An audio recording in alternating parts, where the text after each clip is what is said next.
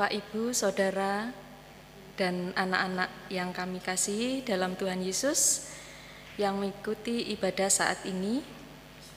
Salam sejahtera bagi kita semua. Selamat berjumpa kembali dalam ibadah Minggu tanggal 21 Juni tahun 2020 GKJW Jemaat Malang. Ibadah minggu ini merupakan ibadah penutupan bulan kesaksian dan pelayanan GKJW tahun 2020. Dan kita masih membangun ibadah di rumah kita masing-masing. Sekalipun bulan kesaksian dan pelayanan sudah berakhir, bukan berarti kesaksian dan pelayanan kita berhenti. Tetapi sebagai orang beriman, Tentunya kita harus terus bersaksi dan selalu menyatakan kasih Kristus di tengah-tengah keluarga dan masyarakat. Bapak, Ibu, dan saudara, serta anak-anak yang terkasih, sambil menyiapkan Alkitab dan buku pujian, kidung jemaat, kita juga mempersiapkan hati dan pikiran kita kepada Tuhan. Dan sebelum kita memulai ibadah, kita akan menyaksikan video dari SD Kristen YBBK Ngaglik. Mari kita saksikan.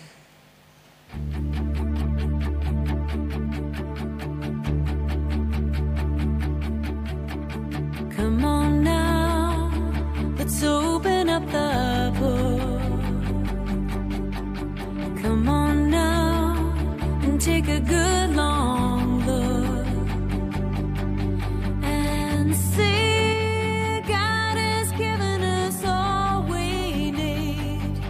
to be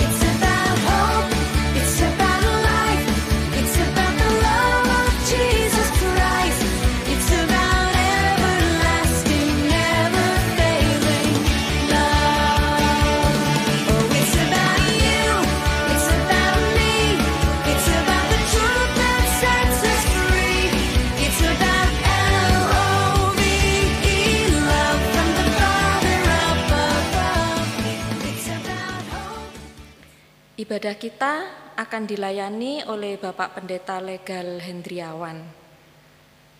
Bapak, Ibu, dan saudara, serta anak-anak yang terkasih, mari kita mulai ibadah kita dengan sukacita.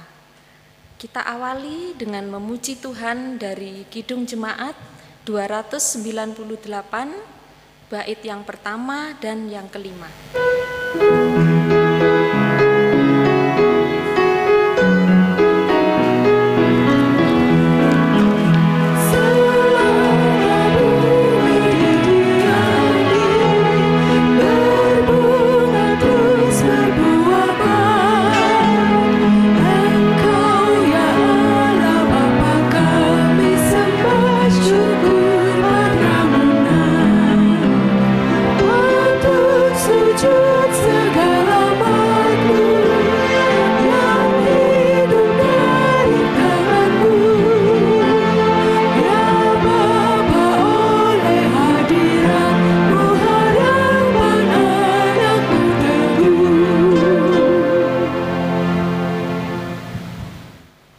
Jemaat yang terkasih, Mari kita bersama memulai ibadah ini dengan pengakuan yang sama.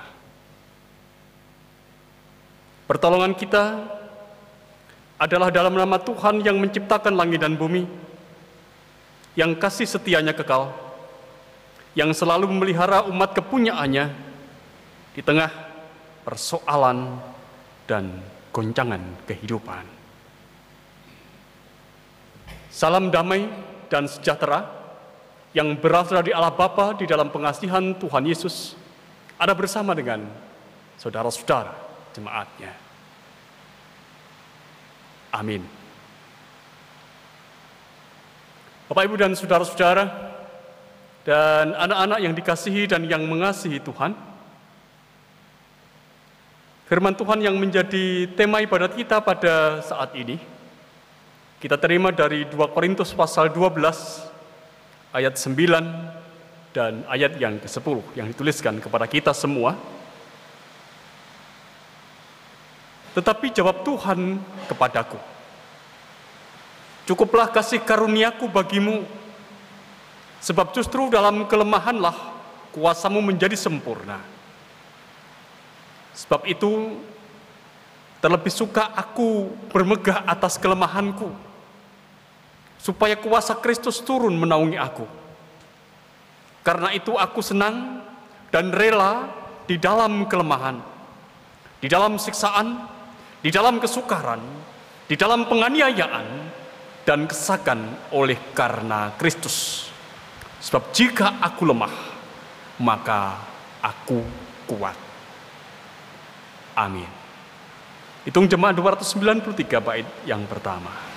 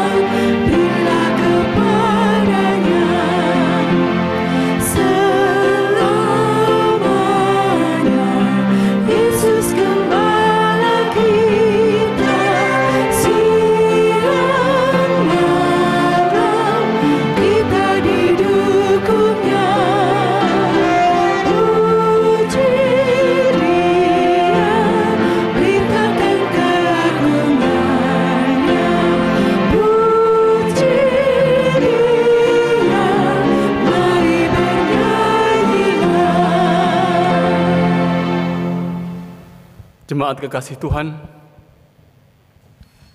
mari kita mengakui segala keberdosaan kita di hadapan Tuhan di dalam doa. Allah Bapa yang di sorga, yang kami kenal dalam nama Tuhan kami Yesus Kristus. Lihatlah kami Tuhan, tengoklah kami ya Bapa, Sebab saat ini kami umatmu, kami hamba-hambamu ini, berseru memanggil namamu yang kudus. Kami mengungkapkan pengakuan bahwa hidup dan kehidupan kami berlumuran dengan dosa. Ampunilah kami sebagai pribadi. Ampunilah keluarga kami. Ampuni persekutuan kami. Sebab hidup kami dalam keseharian sering menyimpang jauh dari apa yang Engkau harapkan ya Tuhan. Untuk itu ya Bapa, bawalah kami kembali datang mendekat kepadamu dalam anugerah pengampunanmu yang besar. Demi Kristus kami berdoa. Amin. Bapak, Ibu, dan saudara-saudara yang dikasihi dan yang mengasihi Tuhan, mari dengan sukacita kita menyambut berita pengampunan Tuhan. Menurut Ibrani pasal 9 ayat yang ke-15. Karena ia adalah pengantara dari suatu perjanjian yang baru, supaya mereka yang telah terpanggil dapat menerima bagian kekal yang dijanjikan, sebab ia telah mati untuk menebus pelanggaran-pelanggaran yang telah dilakukan selama perjanjian yang pertama.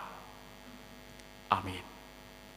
Seiring dengan berita pengampunan ini, mari kita kembali agungkan Tuhan Kitung Jemaat 358 bait 1 dan 2.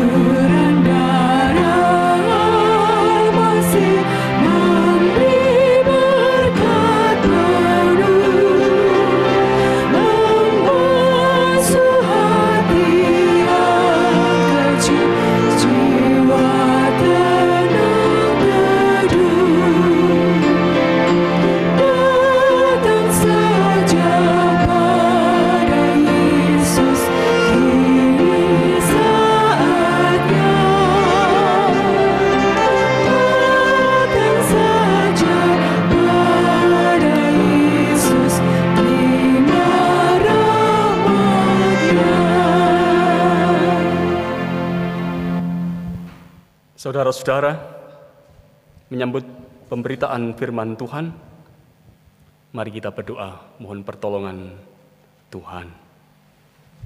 Bersama-sama kita bersatu dalam doa.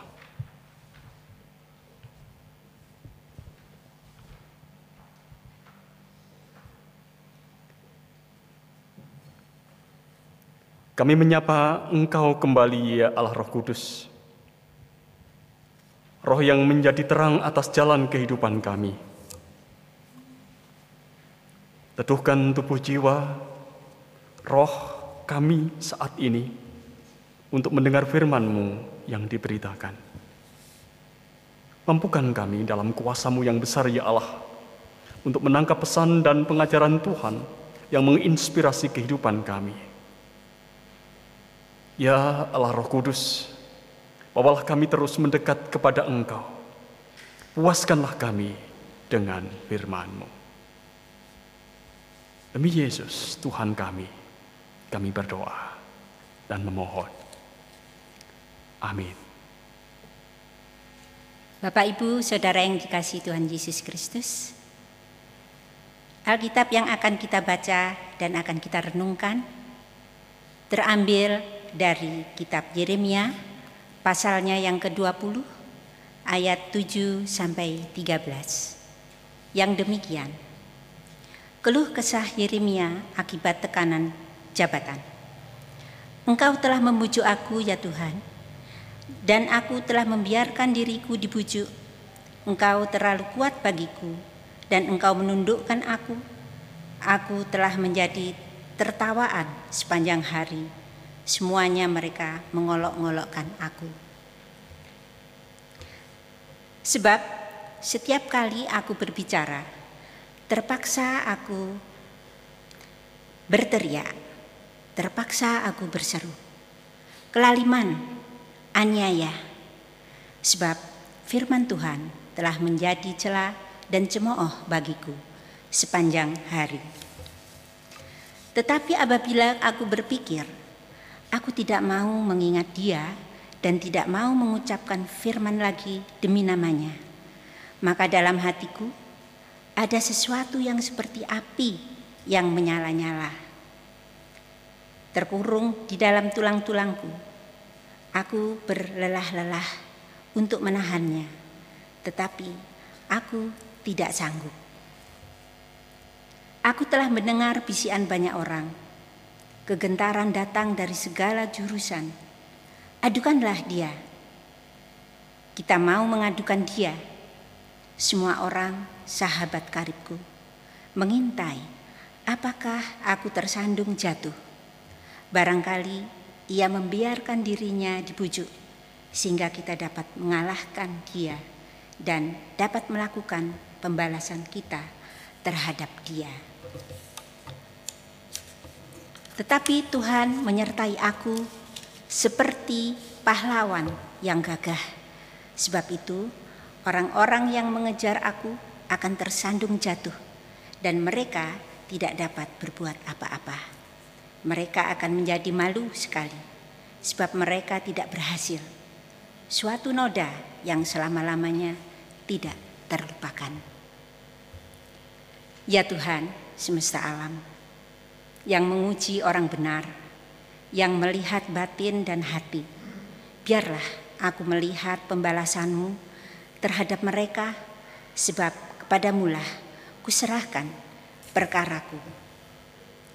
Menyanyilah untuk Tuhan, pujilah Tuhan, sebab ia telah melepaskan nyawa orang miskin dari tangan orang-orang yang berbuat jahat. Demikian pembacaan firman Tuhan. Demikian bacaan firman Tuhan yang berbahagia ada setiap orang yang mendengar, memelihara, dan melakukan apa yang menjadi firman Tuhan dalam hidupnya. Amin.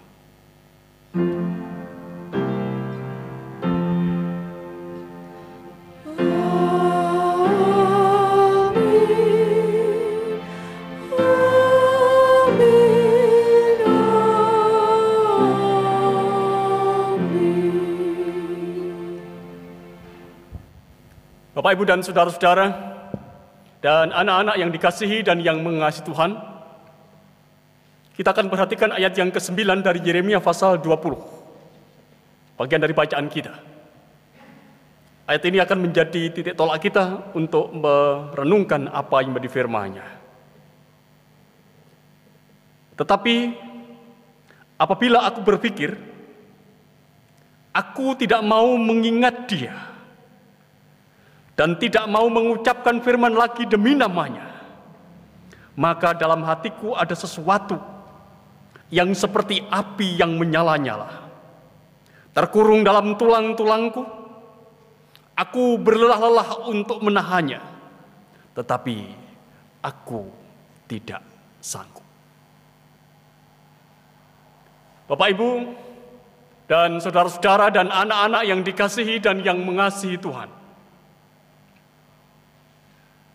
Manusia itu selalu mempunyai alasan untuk mengeluh dan mengadu. Saya dan panjenengan semua selalu memiliki alasan untuk mengeluh dan mengadu. Ketika tubuh tersakiti sesuatu, atau ketika kita tersandung dan kemudian jatuh tersungkur, ketika hati terlukai oleh cercaan atau kata-kata orang lain, ketika beban hidup semakin terasa begitu berat, ketika himpitan persoalan begitu derasnya datang mendera kita. Dan tentu masih banyak alasan yang lain. Bukan hanya puluhan, mungkin ratusan alasan. Yang pasti saudara-saudara, manusia tidak akan pernah kehilangan alasan untuk mengeluh dan mengadu. Dalam kehidupannya,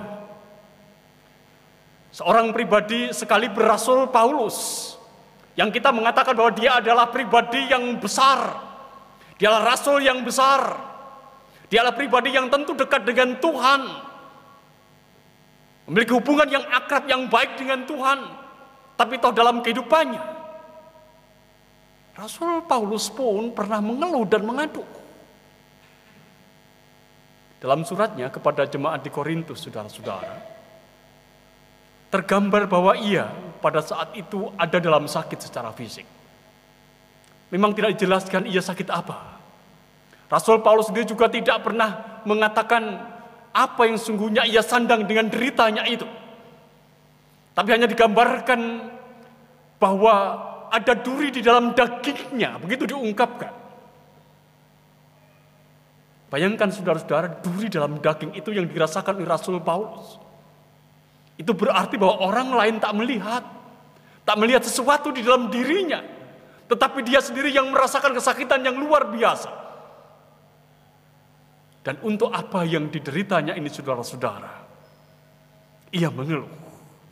Ia mengaduh kepada Allah.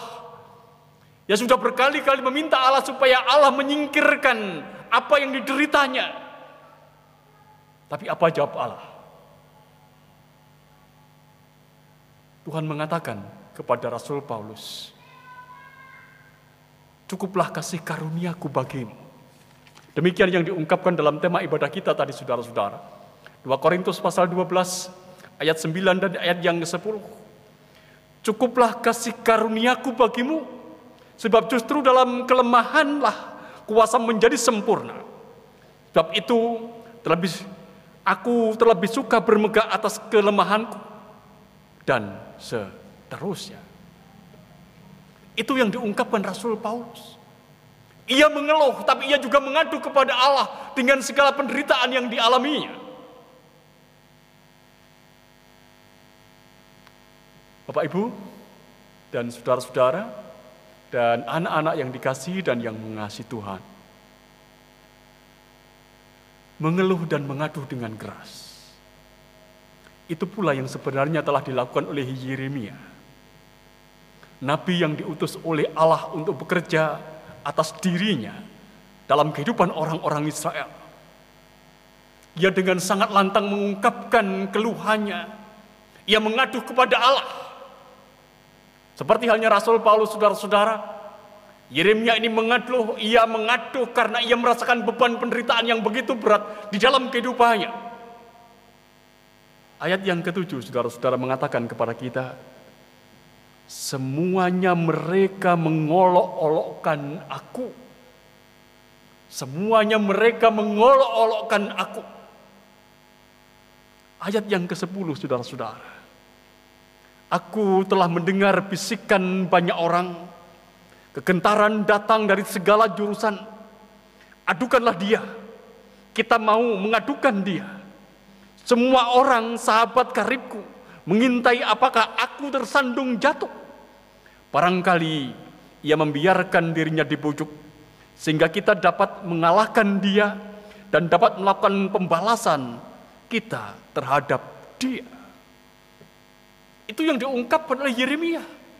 Yang sebenarnya menegaskan kepada kita bahwa pada saat itu Yeremia sungguh merasa sakit karena ia diolok-olokkan oleh banyak orang. Ia merasakan penderitaan karena ia dihianati oleh teman-temannya, sahabat-sahabat karibnya.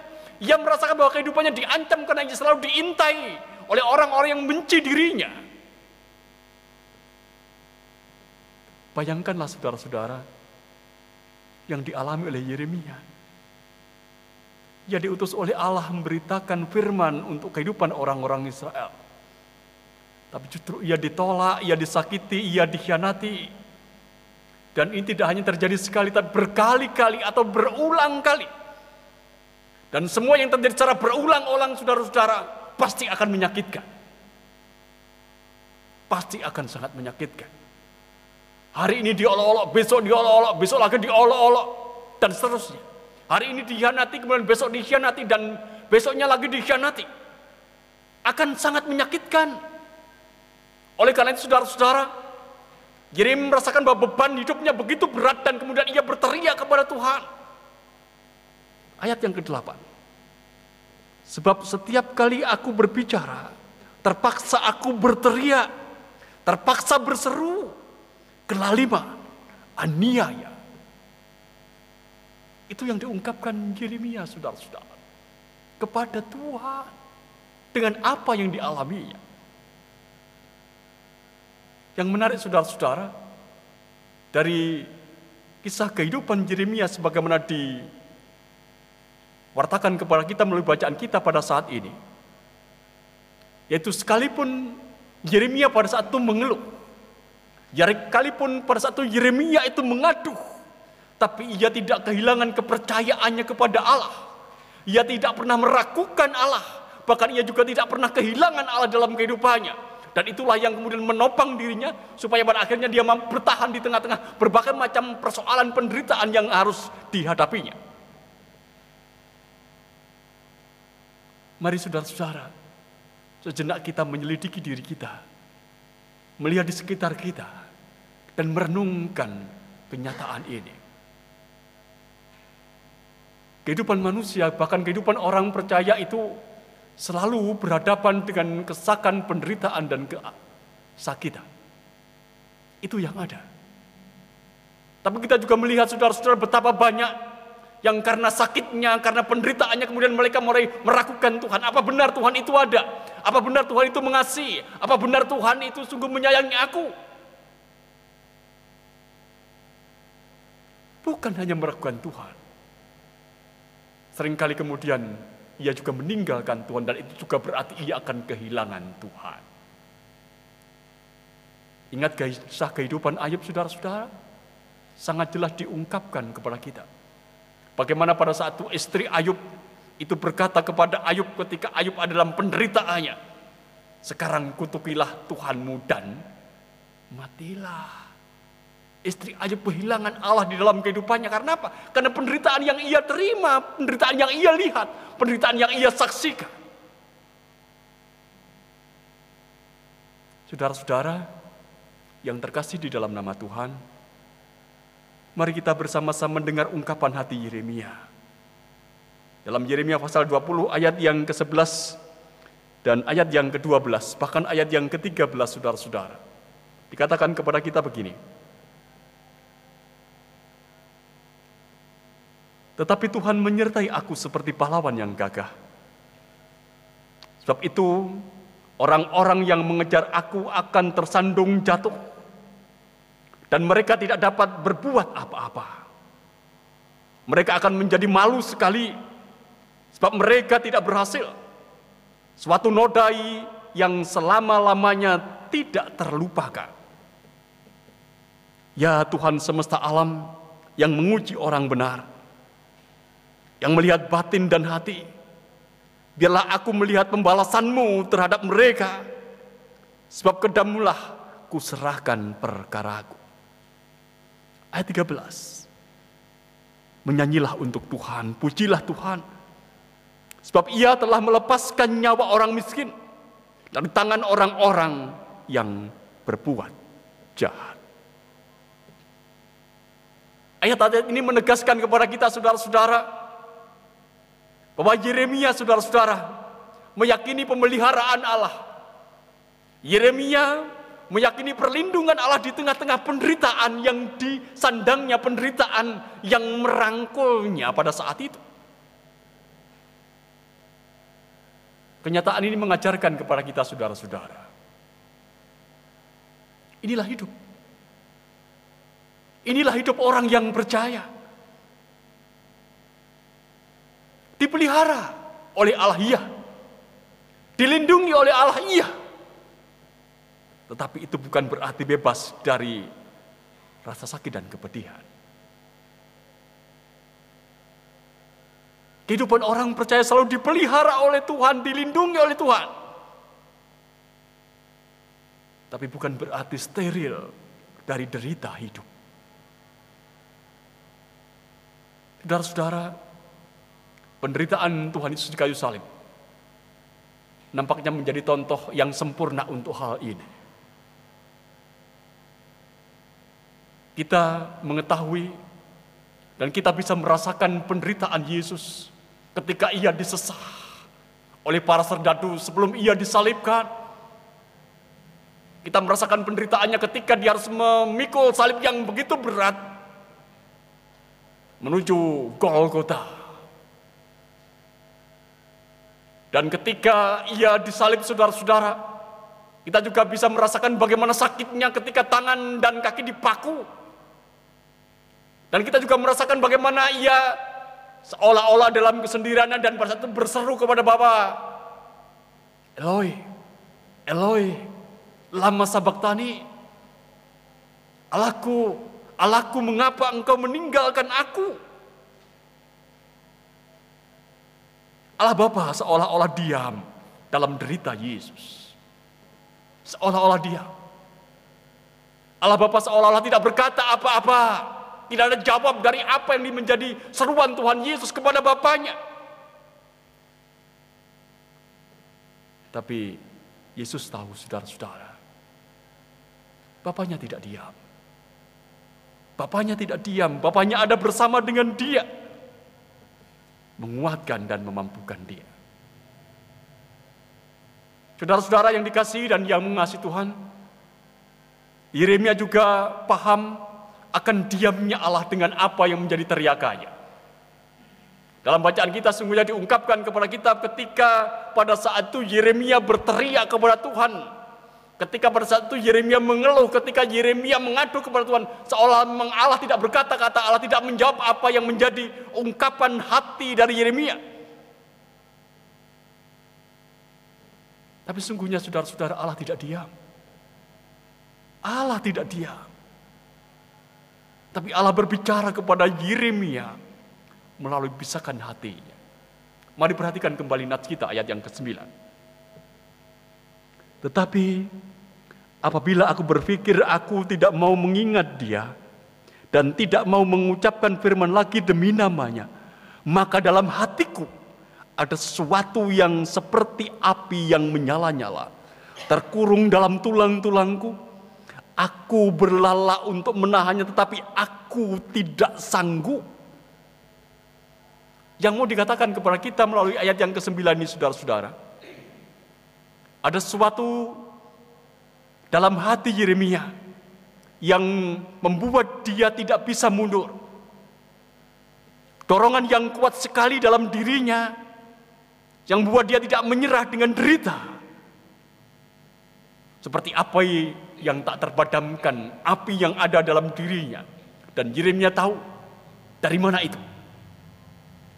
Itu adalah pasti dari Allah. Inilah sebenarnya saudara-saudara jawab Allah atas teriakan, atas aduhan, atas keluhan Yeremia. Untuk Yeremia yang mengeluh itu saudara-saudara alam beri kekuatan seperti nyala api. Api dalam hati yang membuat Yeremia itu tidak menyerah ketika ia menjalankan tugas kenabiannya meski penderitaan itu mendera. Alam berikan kekuatan yang besar. Meski Yeremia harus tetap merasakan sakit, merasakan derita, merasakan kecewa, merasakan kesengsaraan. Dan tujuannya satu saudara-saudara. Tujuan Allah membuat ini satu yaitu supaya Yeremia itu semakin kuat, semakin tangguh di dalam kehidupannya. Tidak kita juga menghayati kehidupan iman kita saudara-saudara. Hidup yang kita jalani sebagai orang Kristen. Itu bukan hidup seperti bermain di dalam taman. Tapi sebenarnya lebih berupa medan pertempuran.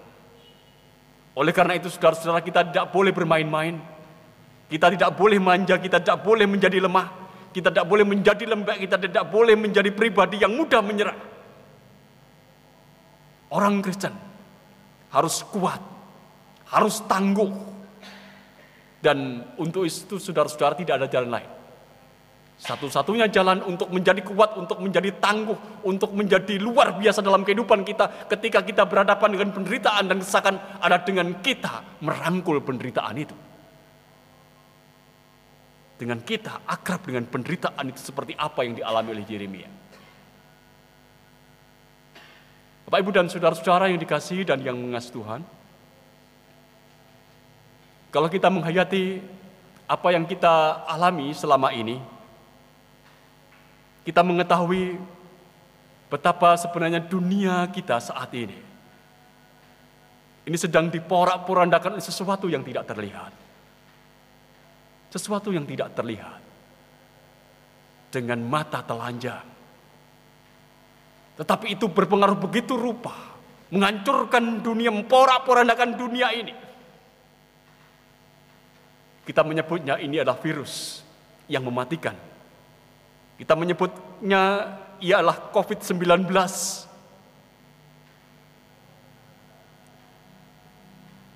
Ada banyak kesakan, ada banyak penderitaan yang telah ditimbulkannya. Dan kita juga mengaku ada banyak keluh, ada banyak ungkapan mengaduh kepada Tuhan dengan apa yang terjadi karena pandemi ini. Sesuatu yang tak terlihat sedang memporak-porandakan dunia ini. Tapi sebagai orang percaya saudara-saudara kita juga diingat bahwa sesuatu yang tidak terlihat dan itulah kuasa Tuhan yang tidak terlihat juga sedang bekerja dalam diri kehidupan orang-orang yang percaya. Dalam diri kita, dalam diri saya dan dalam diri saudara-saudara. Allah yang bekerja untuk menopang kita. Allah yang bekerja memberikan kekuatan kepada kita. Allah yang bekerja memberi kemampuan kepada kita. Supaya apa? Supaya kita tidak menyerah, kalah dengan apa yang saat ini sedang porak-porandakan dunia ini. Bapak, Ibu, dan saudara-saudara yang terkasih di dalam nama Tuhan Yesus Kristus, Allah mau kita meyakini bahwa Dia tidak pernah berdiam diri. Dia selalu bekerja dan memberikan kekuatan. Allah minta kita supaya bertahan dan tidak menyerah dengan keadaan. Rasa sakit, derita, pergumulan sebenarnya sedang mengerjakan kekuatan untuk kita. Oleh karena itu saudara-saudara, jadilah kuat. Jadilah tangguh. Meski dengan merangkul sakit dan derita. Yeremia sudah mengalaminya. Tidak kita juga ingin mengalaminya seperti apa yang dialami oleh Yeremia. Amin. Kita mengambil saat teduh.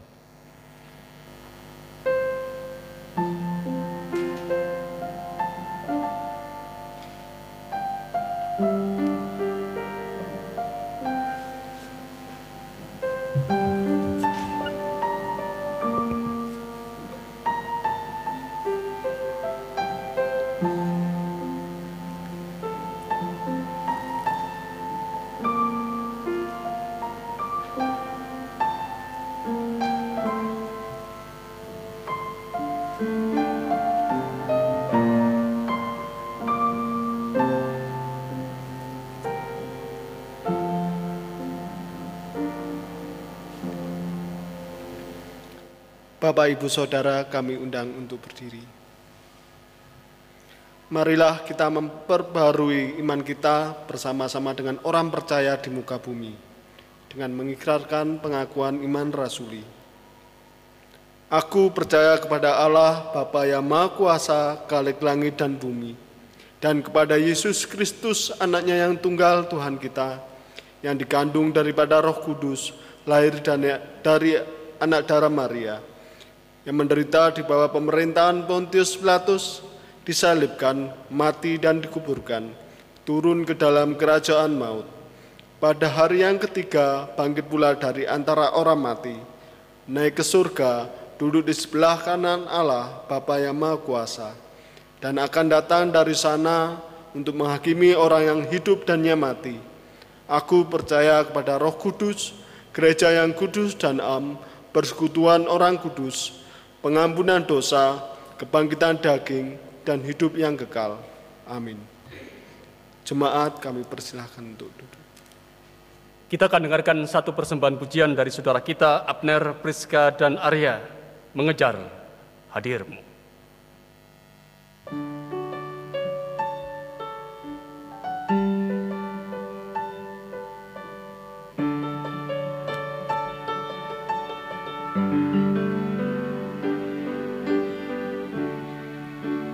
dekat padamu itu rinduku.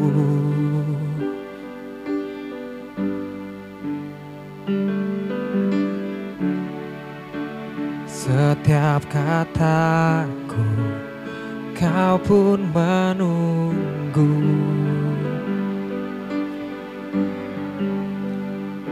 Tak kusangka ku temu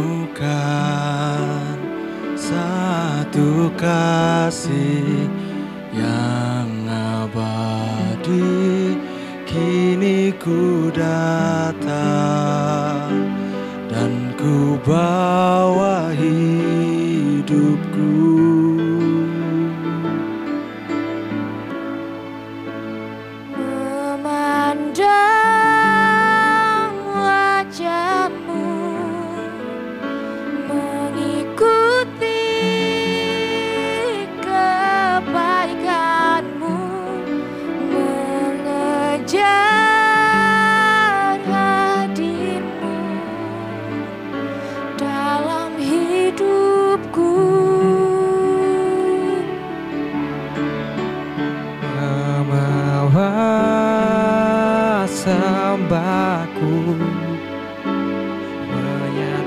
Menyatakan kebesaranmu Mengejar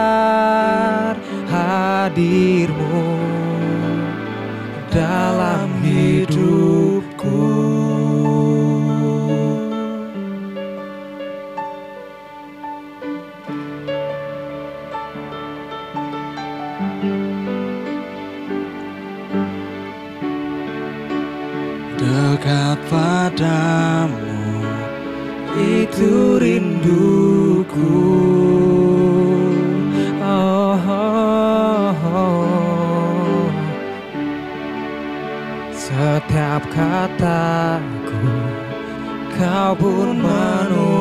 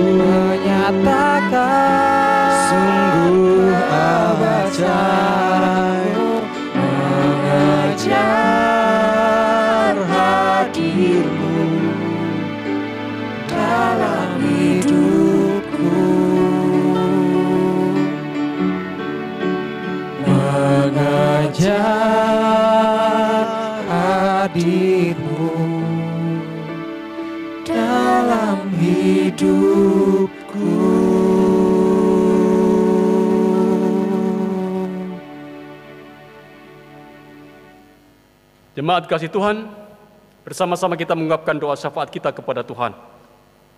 Bersama-sama kita tunduk kepala dan berdoa. Bapa dalam sorga, kami bersyukur untuk kehidupan yang masih Tuhan anugerahkan. Kami bersyukur untuk firman yang kau beritakan bagi kami hari ini. Melalui keteladanan hidup Yeremia, Engkau ya Allah mengajar dan mendidik kami untuk percaya akan pemeliharaan Tuhan di tengah goncangan krisis kehidupan yang kami hadapi. Buatlah kami mampu mengimani Engkaulah Allah yang memungkinkan kami bertahan bahkan semakin menjadi kuat di tengah himpitan persoalan dan penderitaan. Terima kasih ya Tuhan untuk firman-Mu. Buatlah firman-Mu berbuah dalam hidup kami yang kami jalani. Ya Bapa, hadirlah Engkau dalam setiap pergumulan kami umat yang Kau kasihi. Sembuhkan yang sakit, topanglah yang lemah dan tak berdaya. Terangi mereka yang ada dalam gelap, arahkan langkah yang kehilangan tujuan hidup, pulihkan hati yang terluka, satukan keluarga-keluarga yang terkoyak oleh persoalan-persoalan keluarga. Sungguh ya Allah, kami merindukan jamahan tangan kasih-Mu yang nyata memulihkan, menyembuhkan, merdekakan, menyatukan. Bapalah kami hidup untuk semakin dekat satu dengan yang lain sebagai satu keluarga. Dan Bapak setiap kami untuk semakin mendekat kepada Engkau di dalam Kristus Yesus. Ya Allah Roh Kudus, bimbinglah melalui hikmat-Mu semua upaya yang dilakukan oleh pemimpin dan masyarakat negeri dan dunia ini untuk keluar dari krisis yang sedang terjadi karena pandemi COVID-19. Berkati dan lindungi tenaga medis dan relawan kemanusiaan yang terlibat untuk mengupayakan pemulihan segera akan terjadi. Hibur yang kehilangan, jagailah kami dalam kuasa pengasihan Tuhan. Berkatilah pula seluruh gerejamu dalam setiap langkah pelayanannya. Kami serahkan GKJW di lingkup majelis jemaat, majelis daerah, majelis agung, Tetaplah engkau yang menjaganya ya Tuhan. Syukur kepadamu ya Allah. Karena engkau juga memberi kesempatan bagi kami untuk mengisi bulan kesaksian GKCW tahun 2020 dengan berbagai kegiatan. Kami percaya usaha untuk bersaksi dan melayani ini tidak akan pernah menjadi sia-sia. Kami menyerahkan seluruh perjalanan hidup kami ke depan ke dalam pengasihan tangan Tuhan. Berkati usaha, pekerjaan yang boleh kami jalani Tercurahlah berkat-Mu atas kami melalui karya kami. Bapa, inilah doa kami yang kami pinta dalam nama Tuhan kami Yesus Kristus yang telah mengajarkan kepada kami berdoa. Bapa kami yang di sorga, dikuduskanlah namamu. Datanglah kerajaanmu, jadilah kehendakmu di bumi seperti di sorga. Berikanlah kami pada hari ini makanan kami yang secukupnya, dan ampunilah kami akan kesalahan kami, seperti kami juga mengampuni orang yang bersalah kepada kami. Dan janganlah bawa kami dalam pencobaan, tapi lepaskanlah kami daripada yang jahat. Karena engkaulah yang punya kerajaan dan kuasa dan kemuliaan sampai selama-lamanya. Amin. Jemaat yang dikasihi oleh Tuhan, Allah kita yang penuh kasih selalu mencukupkan kebutuhan hidup kita. Oleh sebab itu, saatnya kita mengucap syukur kepada Tuhan atas segala berkat dan karunia yang selalu kita terima. Seperti firman Tuhan dari Mazmur pasal yang ke-107 ayat 21 sampai dengan 22 yang demikian bunyinya. Biarlah mereka bersyukur kepada Tuhan karena kasih setianya, karena perbuatan-perbuatannya yang ajaib terhadap anak-anak manusia. Biarlah mereka mempersembahkan korban syukur dan menceritakan pekerjaan-pekerjaannya dengan sorak-sorai Bersama kita mengumpulkan persembahan. Kita memuji nama Tuhan dari Kidung Jemaat nomor 441. Kita akan pujikan bait pertama dan yang kedua. Ku ingin menyerahkan.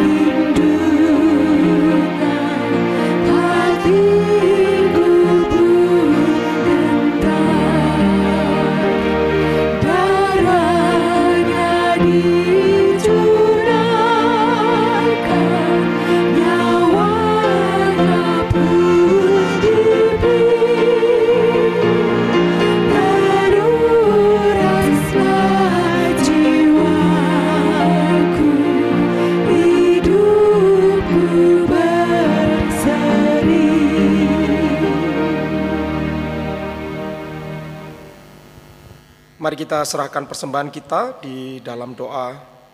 Mari kita berdoa. Segala puji syukur kami panjatkan kepadamu ya Tuhan. Untuk segala sesuatu yang boleh kami terima daripadamu. Kami mengucap syukur untuk kasih dan anugerahmu yang selalu nyata dalam kehidupan kami. Sehingga kami masih boleh ada sampai saat ini sebagaimana kami ada. Terima kasih Tuhan untuk waktu dan kesempatan. Saat ini kami boleh memberikan persembahan syukur dari rumah kami masing-masing. Kiranya persembahan kami ini berkenan kepadamu dan dapat dipakai untuk pelayanan kasih dan pelayanan firman-Mu di tengah-tengah jemaat-Mu GKJW Jemaat Malang. Berkat-Mu yang masih ada pada kami, ajarkan kepada kami untuk mempergunakannya dengan baik dan penuh dengan tanggung jawab. Sehingga seluruh hidup dan kehidupan kami boleh menjadi persembahan yang berkenan kepadamu. Tangan-tangan yang Tuhan percaya untuk mengelola persembahan, kiranya dengan hikmat yang datangnya daripadamu, mereka boleh mengelolanya dengan rasa takut dan gentar akan Tuhan. Inilah doa syukur kami Tuhan, yang kami mohonkan hanya di dalam nama Tuhan kami Yesus Kristus, Allah kami pemberi berkat. Amin. Jemaat yang dikasihi dan yang mengasihi Tuhan, pergilah dalam perlindungan dan penyertaan Tuhan. Teruslah menjalani hidup dengan keteguhan hati. Memang akan selalu ada goda, tantangan, derita, sakit. Tetapi ingatlah, Tuhan Allah selalu memberi kekuatan kepada kita untuk menghadapinya. Percayalah. Hitung jemaat 453 bait 2 dan bait yang ketiga.